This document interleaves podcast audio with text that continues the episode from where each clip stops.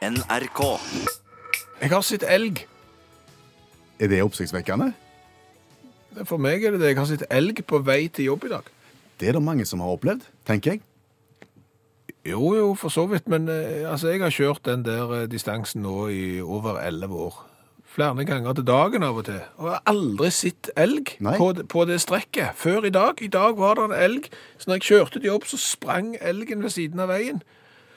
Kikket bort på meg og tenkte ja, ja, tenkte jeg sikkert ikke jeg kan, tenkte Men liksom sprang der og det er relativt oppsiktsvekkende, ja. Jaha, Er det noe spesielt med denne strekningen? Ja, fordi at eh, når jeg begynte å kjøre den strekningen for 11 år siden, så la jeg jo merke til at det var satt opp et, sånn et varselskilt om fare for elg. Ja. Ja, og da begynte jo jeg også å kikke etter elg. Eh, Du blir jo litt eh, oppmerksom på det da, om det plutselig er en elg som finner ut at eh, hei, nå skal jeg gå over på den andre siden av veien, så da begynner du å kikke etter. Så jo aldri elg. Nei. Så jeg gikk ett år, så jeg to år, så jeg tre år, hadde aldri sett elg, begynte å spørre de som hadde kjørt enda mer på den veien enn det jeg hadde gjort, om de noensinne hadde sett elg, og det hadde de ikke. Ingen har sett elg Nei, og så i dag, så dukker det opp en elg. på siden av veien. Ja. Var det noe spesielt akkurat med dagen i dag, tenker du? Ja, jeg syns jo det, for når jeg da endelig ser elg på dette veistrekket her, Ja. så har de tatt ned skiltet. Ja, det er spesielt. Ja, nå, nå er det ikke lenger varselskilt om at det er fare for at elg kan krysse veien, og det er da du får sett elg for første gang på over 11 år. Ja. Litt sånn ulv-ulv-problematikk, dette her, egentlig. ja, det vil jeg si, altså. For her har du kjørt og kjørt og kjørt og sitt på skilt på skilt på skilt. Ja. Eh, ingenting skjer. Nei. Og garden senkes, og skiltet senkes Ja. etter hvert. Ja. Og så kommer han. Der har du det. Ja, det er litt sånn ulv-ulv. Ulv, ulv. Ja, må, måtte dere høre på det i musikktimen, forresten? Musikk? Skal, skal jeg litt ut? Ja, det der Ulv Ulv, det der Peter Ulven. Så Når, I musikktimen så kom jo læreren inn, jeg tror det var sånn oransje LP-plate med Per Aabel, Peter Ulven, og så var det dette her andre greiene med Ulv Ulv og... Og Prokofjev. Han Ja, det var vel gjerne han som skrev musikken, ja. I hvert fall Per, per Aabel som leste, og så var det vel Ulv Ulv og ropte på, på han der. Det er ikke ulv, ulv, ulv. Altså, Peter og ulven, Ja. det er noe annet enn ulv-ulv-historikken. Åja, Ja. Peter, da husker du dårlig fra musikktimene. det gjør jeg helt sikker. Peter og ulven, det var der på en måte at instrumentene representerte ulike dyr. Og så var det en historie da om Peter og ulven. Ulv, ulv, altså den fabelen med at du eh, Ikke skal rope på ulven når han ikke er der og sånn. Ja. Det er en såkalt Aesop-fabel. Husker du Aesop-fablene? Jeg husker jo ikke Peter og Ulven tydeligvis engang, så jeg er ikke sikker jeg husker Aesop-fablene heller, men OK. Aesop, jo, du husker det. Det var de så, så små moralske fabler som hadde et budskap. ok. Ja, Ja. og derav kommer den. ja. Så det var ikke de jeg hørte i musikktimen, altså? Det var nok ikke det. Filler òg. Spilte du blokkfløyte? Det gjorde vi. Og triangel. Ja. Og sånn kastanjett. Og haba, haba, haba. Musikktimen på barneskolen eh, og ungdomsskolen kanskje, det, det er et litt mørkt. Sånn. Det er jo et trist minne. En ting er at du satte på Peter Ulven da, med, med Per Aabel, som liksom skulle være vår vei inn i den klassiske musikken. Men så var du jo òg da tvunget til å ha en musikklærer som ville spille den musikken som han likte, og som han var vokst opp med, og det var jo da ikke så kult. Hadde han med seg gitar, da? Ja, ja, ja, ja, sant. Hva spilte han? Å, Champs-Élysées. Sant? Og masse av Lillebjørn Nilsen. Ja, det har ja. ja. Jeg tenker Hvis du hadde opptrådt som uh, musikklærer i dag, Ja, i dag, ja. så skal du ikke se vekk ifra der det vanka en eller annen 80-tallshit der òg. Og jeg brenner inne med et spørsmål. Fyr løs. Vet du når appelsinsesongen er? Nei. Nei. Jeg får være helt ærlig. Jeg har ikke tenkt på det heller. Nei? Eh, altså, jeg er ikke så veldig glad i appelsiner, egentlig, fordi at jeg syns det er så stress å, å skrelle de, og så blir det så mye søl, så derfor så sverger jeg til klementiner, liksom. Eh, og de er jo mest der rundt jul, men jeg merker jo at når det nærmer seg påske, uansett egentlig om påsken er tidlig eller sein, da er det 100% trøkk på appelsinen. Så jeg, jeg sier påske. Ja. Ja. Nei, altså, jeg har jo bare et spørsmål egentlig om appelsinene har sin årstid, hvor de absolutt er best, eller om at en dyrker appelsiner året rundt, og at en har en sesong i det landet på den tida, i det landet på den tida, i det landet på den tida. I og med at vi får jo appelsiner hele året. Før gjorde en jo ikke det. Nei, men det, og du vet ikke svaret på dette, Nei, nei, nei, så det, du stiller meg et spørsmål. Ja. Og så, jeg- normalt sett så pleier du å vite svaret når du stiller sånne spørsmål. Jeg tenkte vi kunne drøfte det litt i plenum. For det er jo sånn at et en, en plante eller et tre eller en, har sin syklus. Ja. At det, på et tidspunkt i løpet av året Ja. så blomstrer den, og så kommer det frukt, og så kommer det ikke Ja, mer. så blir det eplehøsten i Hardanger, eksempel. Så har du ikke eplevåren, nei. Nei. nei. Og hvis, den, hvis det var sånn med appelsinene, så ville det jo tatt slutt på et eller annet tidspunkt. Og de kan jo ikke produsere appelsin for lager.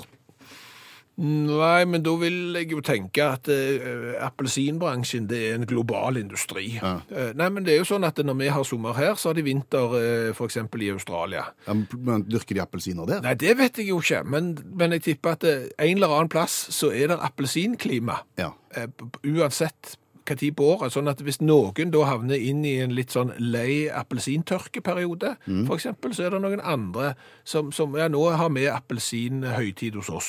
Og så kan de levere. Tror du at de kan gjøre dette her internt i egne land? Altså på en måte at du planter et tre eh, på den tida, og så når det har blomstra av og gjort seg ferdige, så kommer nabotreet og gjør jobben, Oh, ja! og så, og så jobbes det sånn? Ja, at du, du har f.eks. et klima der du egentlig i prinsippet kan dyrke appelsiner absolutt hele veien, og dermed så har du liksom de som skal bære i januar, de har vi på den raden. Alle rader med oddetall, de kan høstes i, eh, i mars. Sånn, ja. Muligt! Jeg har ikke greie på dette. Når tror du ba- banansesongen er? Har du brukt mye tid på dette? Ja, men det ene tar det andre her. Ja, men er du rett for vi er gjennom alle frukt og grønnsaker her, hvis det fortsetter sånn? Ja, men Bananer er nesten enda mer interessant. Fordi at bananer, de, du vet jo når du får dem, så er de litt grønne. Ja. Og så går det tre kvarter, Ja, så, så- så må, du, så må du ha de i smoothien. Ja, ja, ja. For da er de ødelagt. Ja. Så de kan du iallfall ikke produsere for lager. På noen som helst måte. Og bananer har vi hele året. Hvis- Hvis jeg ikke tar feil her nå, nå kan det godt hende at det er en eller annen som sitter i et drivhus og skal arrestere oss, men, men jeg tror at bananer blir dyrka rundt ekvator. Jaha. Tror jeg. og, og, Mellom-Ameriken. ja, men, altså, langs ekvator, og det, jeg tror det er fra Asia òg. Og, og, og dermed så er jo klimaet relativt stabilt rundt ekvator. Det er liksom ikke så mye vinter og sommer, det er mye likt. Ja. Og dermed så kan du bare holde det gående eh, der med bananproduksjon. Det er jo en grunn til at det ikke er bananproduksjon i Norge. Ja, kunne du hatt innendørs bananproduksjon, tror du? Ja, men jeg vil jo tippe at er- Bananer i drivhus, det er gøy. Jo, det er sikkert gøy, men det er fryktelig dårlig økonomi, Ja. vil, jeg, vil jeg tippe, da, uten at jeg har greie på det. Men nå kommer vi snart til å få en eller annen litt sånn sinte oppgitte mail eller en SMS som forklarer oss dette, og hvor uvitende går det an å bli, og dette burde dere funnet ut med bare enkel googling. Forfatter og litteraturviter Janne Stigen Drangsholt, hun ler såpass bra at det er folk som har spurt oss i utakt om eh, vi kan eh, legge ut latteren hennes, for de vil gjerne ha den som eh, ringetone på mobilen.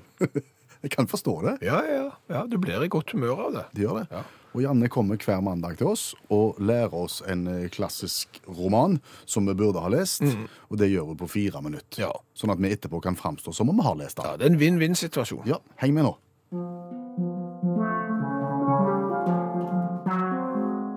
Austerlitz fra 2001 av W.G. Sebald.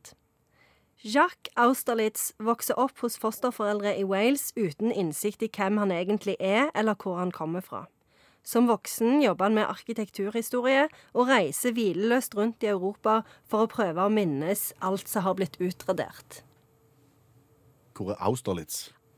Hørtes ut som et sted. Det høres litt ut som et sted, og det, jeg tror det er litt sånn eh, det, det er kanskje litt med vilje, fordi at Jacques Austerlitz han reiste jo veldig mye rundt i Europa og ser på disse historiske bygningene, og så prøver han på en måte å rekonstruere sin egen fortid. da. For det som viser seg, er jo, er jo at han, han har vokst opp hos disse kjempeskipe folka i Wales, som er sånn Ja, du, du, er, du er fra Wales, og alt er greit, ikke still noen spørsmål. Og så viser det seg jo at eh, foreldrene er jøder og har vært i konsentrasjonsleir, og at han, de sendte han fra seg da eh, når Hitler kom til makten for å redde ham. Det handler egentlig om å minnes, da, og liksom prøve å, å, å, å minnes eh, et liv eh, som han ikke har noe minne av, da. Eh, så det er en utrolig sterk eh, bok. Du får jo litt følelsen når du sier Austerlitz og Auschwitz. Det var den første som, tanken som slo meg òg. Austerlitz får du jo òg litt sånn Du får en sånn følelse av ja, et sted, en bygning, et eller annet i Europa som du på en måte kan hekte noe fast ved. Og det er jo det han gjør. Han, han studerer jo arkitekturhistorie. Og så blant annet så forteller han jo om et sånn et Det er en helt sånn fantastisk fortelling om et sånn fort som han har studert i Belgia. Som er sånn at det, eh, de, det, det var jo på 1800-tallet dette ble bygd. Og da lager de hele tida nye sånne eh, murer rundt det. Og for hver gang de har lagd det ferdig, så er det liksom teknisk verdiløst, fordi at da har de skapt nye våpen som kan trenge gjennom. Så når det til slutt er ferdig, så er det liksom helt sånn ubrukelig. Fordi at teknologien har kommet så langt. Og det det blir brukt til til slutt, er en konsentrasjonsleir, da. For når tyskerne invaderer Belgia, så tar de det i bruk som konsentrasjonsleir. Det som begynte som en sånn en eh, positivistisk, eh, teknologisk optimisme på 1800-tallet, blei til liksom et monster, da, eh, på 1900-tallet. Men det høres jo ikke ut som en sånn gladsak. Det høres ikke ut som noe du tar fram på, på fredagskvelden for uh, rett etter Nytt på Nytt. Nei, det er ikke det, og jeg vil heller ikke anbefale noen å lese denne boka mens du sitter på flyet til St. Petersburg. det er heller ikke et bra tips. Selvopplevd? Ja, det ble mye grining. Jeg sølte kaffe på boka. det ble litt sånn kaotisk. Så, så les den en fin sommerdag når du har det godt med deg sjøl. Men, men, den er helt fantastisk bra. Og, og, og det er bilder. Det er noen bilder innimellom. Det liker vi. Ja, det liker vi. Ja. Men, men C-ball, er han i, uh, er han i slekt med énball og toball? Oh. og C-ball kom, og C-ball skrev, og énball og toball og treball og C-ball. Og så ga de ut Austerlitz. Nå vaste vi det til. Jeg hadde ikke tenkt på det. Ja, det er ikke noe du kan bruke i særoppgave. Jeg ser den at den er litt på sida. Jeg har i hvert fall et sitat, da. Ja, gjerne. Hvis noen er interessert i det. Takk. Til og med i dag er det noe illusjonistisk og illusorisk over forholdet mellom tid og sted, slik vi oppfatter det når vi reiser. Det er derfor, når vi kommer hjem fra et sted, at vi aldri er helt sikre på at vi noen gang har vært borte.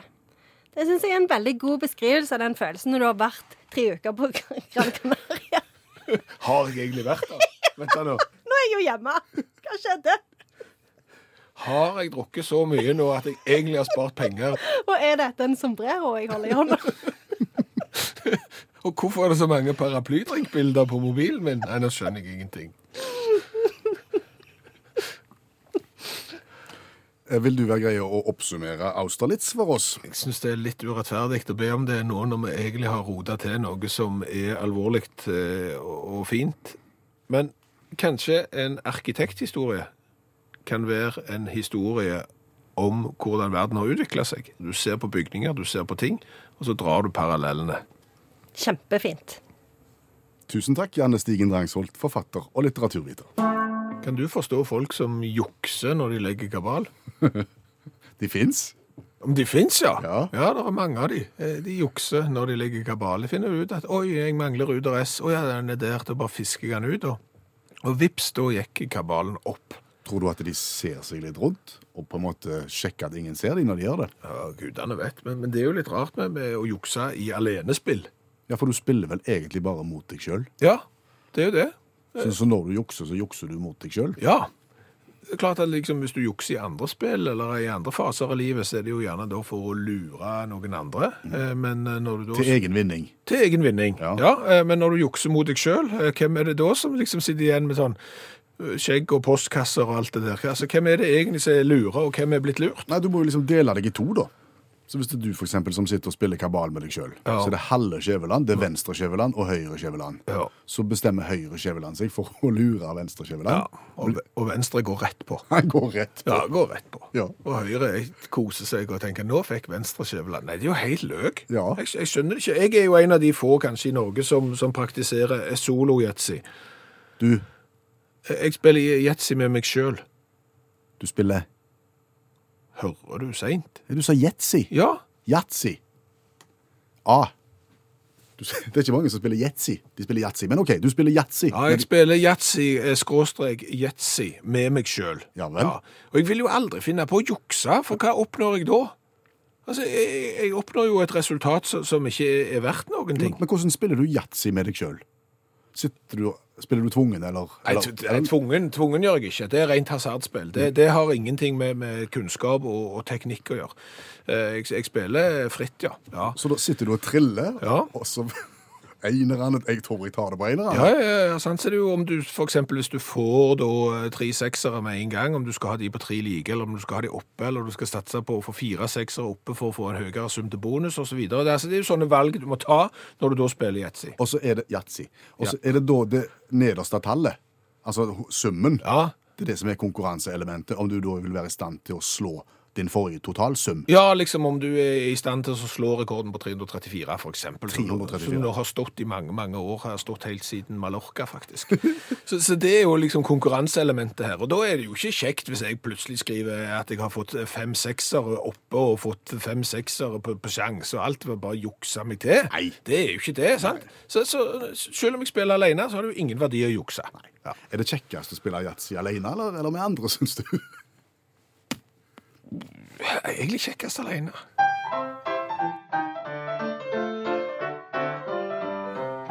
Skal jeg synge en liten sang på 27 sekunder om noe som har skjedd et sted i verden? Ja, hva har skjedd, og hvor har det skjedd?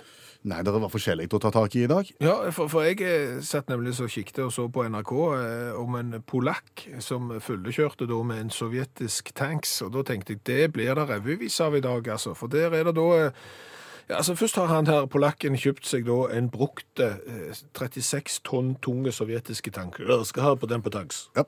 Og så gikk han ut og drakk seg eh, perings. Og så satte han seg bak spakene og tok sjansen på at dette går sikkert fint, og det gjorde det ikke. Åh, for meg. Eh, Men, men det ble ikke den, altså? Det ble ikke den, men, men fyllekjøring er for så vidt et interessant stikkord, for det er det sangen handler om i dag. Å ja. Ja, men en helt annen plass. Eh, Det skal jeg komme tilbake til. Jeg bare sier at jeg hadde også veldig lyst til å skrive om dongerispeedoen som er på veien. Dongeri-speedoen. Ja. Altså, snakker vi speedo, speedo, speedo, altså badebukse-speedo. Ja, Den lille, trange badebuksa, Ja. den er nå kommet i dongeriutførelse. Jeg har sett bildet. Det ser akkurat ut sånn som du tror. OK. Ja. Og du vil ikke ha det? Du vil ikke ha det. Nei, okay. Ingen vil ha dongerispeedo. Men OK, det ble ikke dongeri-speedo, det ble fullekjøring et eller annet sted i verden. Ja, i Kina. I Kina? Ja, eh, men det endte på en litt rar måte, dette her. Skal du høre. Å nei, promillekontroll, jeg må stikke til pokker i vold, tenkte mannen før han la på og sprang fra bilen. Politiet sa hei, du, du kommer ingen vei, men vil du kappspringe, så bare hold den stilen. For politimannen, han ville konkurrere, og når han vant, så skulle han mannen arrestere. Og som sagt, ja, så gjort, det gikk veldig, veldig fort. Det ble bot, og nå får mannen kun spasere.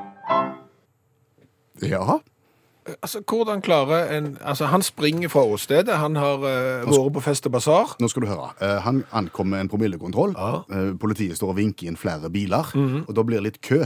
Så Å, han ja. er liksom nummer tre i rekka her som skal inn og blåse. Å ja, og så kjenner han jo at dette her kommer ikke til å passere. Her får jeg panikk, Ja. Mhm. og så begynner han å springe.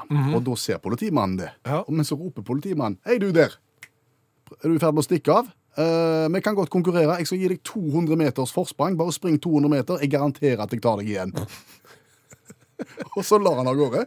Og politiet venta, telt inn inni seg, og la på sprang. Ja. Og tok han jo selvfølgelig igjen. Ja, en veltrent kineser. Ja. ja. Og fikk han. Og så var jo da spørsmålet si meg, har de drukket? Ja. Nei, sa kineseren. Nei! Jeg, han hadde ikke det, sa han. Eh, Men jeg pleier å glemme når jeg har drukket. Så det kan godt være at jeg har det likevel. Men hør nå. Så måler de han, Ja. og så har han ikke drukket. Oi! Nei, ingenting. Så, så, men han har ikke førerkort. Det er problemet. Å ja, OK. Ja, Han det, er ikke liksom, førerkort. at, det hadde han sikkert glemt at han hadde mista, for når han hadde drukket, så hadde han glemt at han hadde glemt at Ja, OK. greit. Så, så dermed så endte det opp med bot, og, og iallfall ikke lov til å kjøre bil på veldig veldig lang tid. Nei, nei, og og så det- mista han en sko i løpet. Jeg klarte ikke å få det bildet ut av hodet eh, om at de nå har lagd dongeri-speedo. altså speedo badebukser, det er jo eh, Det er jo et møbel. Det er jo et møbel. Det er jo ei badebukse der sidene, altså der som du har på, på hoftene, det partiet er mye, mye smalere enn midten. Det ligner ikke på en, en bokser i det hele tatt. Det er jo speedo badebukse. Den bør jo du helst ha i Syden når du danser litt i vannkanten med paraplydrink. Og er nå kommet i, i dongeri-versjon. Den finnes i dongeriutførelse, ja. Ja. Jeg, jeg har lagt ut et bilde i Facebook-gruppa vår Ja. av verket. Ja. Så kan du jo se sjøl og, og vurdere om det kunne vært noe. Ja, ja, altså for å si det sånn, det kan jo være sommerens hjemmelekse til alle som hører på utakt. Det er å skaffe seg ei dongerispeedo og ta bilde av seg sjøl i den. Jeg vet ikke det. Nei. Nei, men noen har kommet på det og ment at det er en god idé, så Yes. det har jo vært et eller annet sånn idédrodlingsmøte der noen har sagt, vet du hva, dette går vi for. Dette er, det er veien videre for oss. Og apropos idédrodling og god idé. Ja, Vigdis har lansert eh, en god idé. ja, Og bakgrunnen for den gode ideen er noe som vi kjenner oss veldig godt igjen i, både hjemme på privaten og på jobben. ja, oppvaskmaskin. Oppvaskmaskinproblematikk. Du kommer med en eh, kaffekopp. Det er en liten skvett med gammel kald kaffe i bånn. Ja. Du åpner opp eh, oppvaskmaskinen, drar ut øverste hylle og ser at eh, her er det nok skittent. Dette kan umulig være rent, det som står her.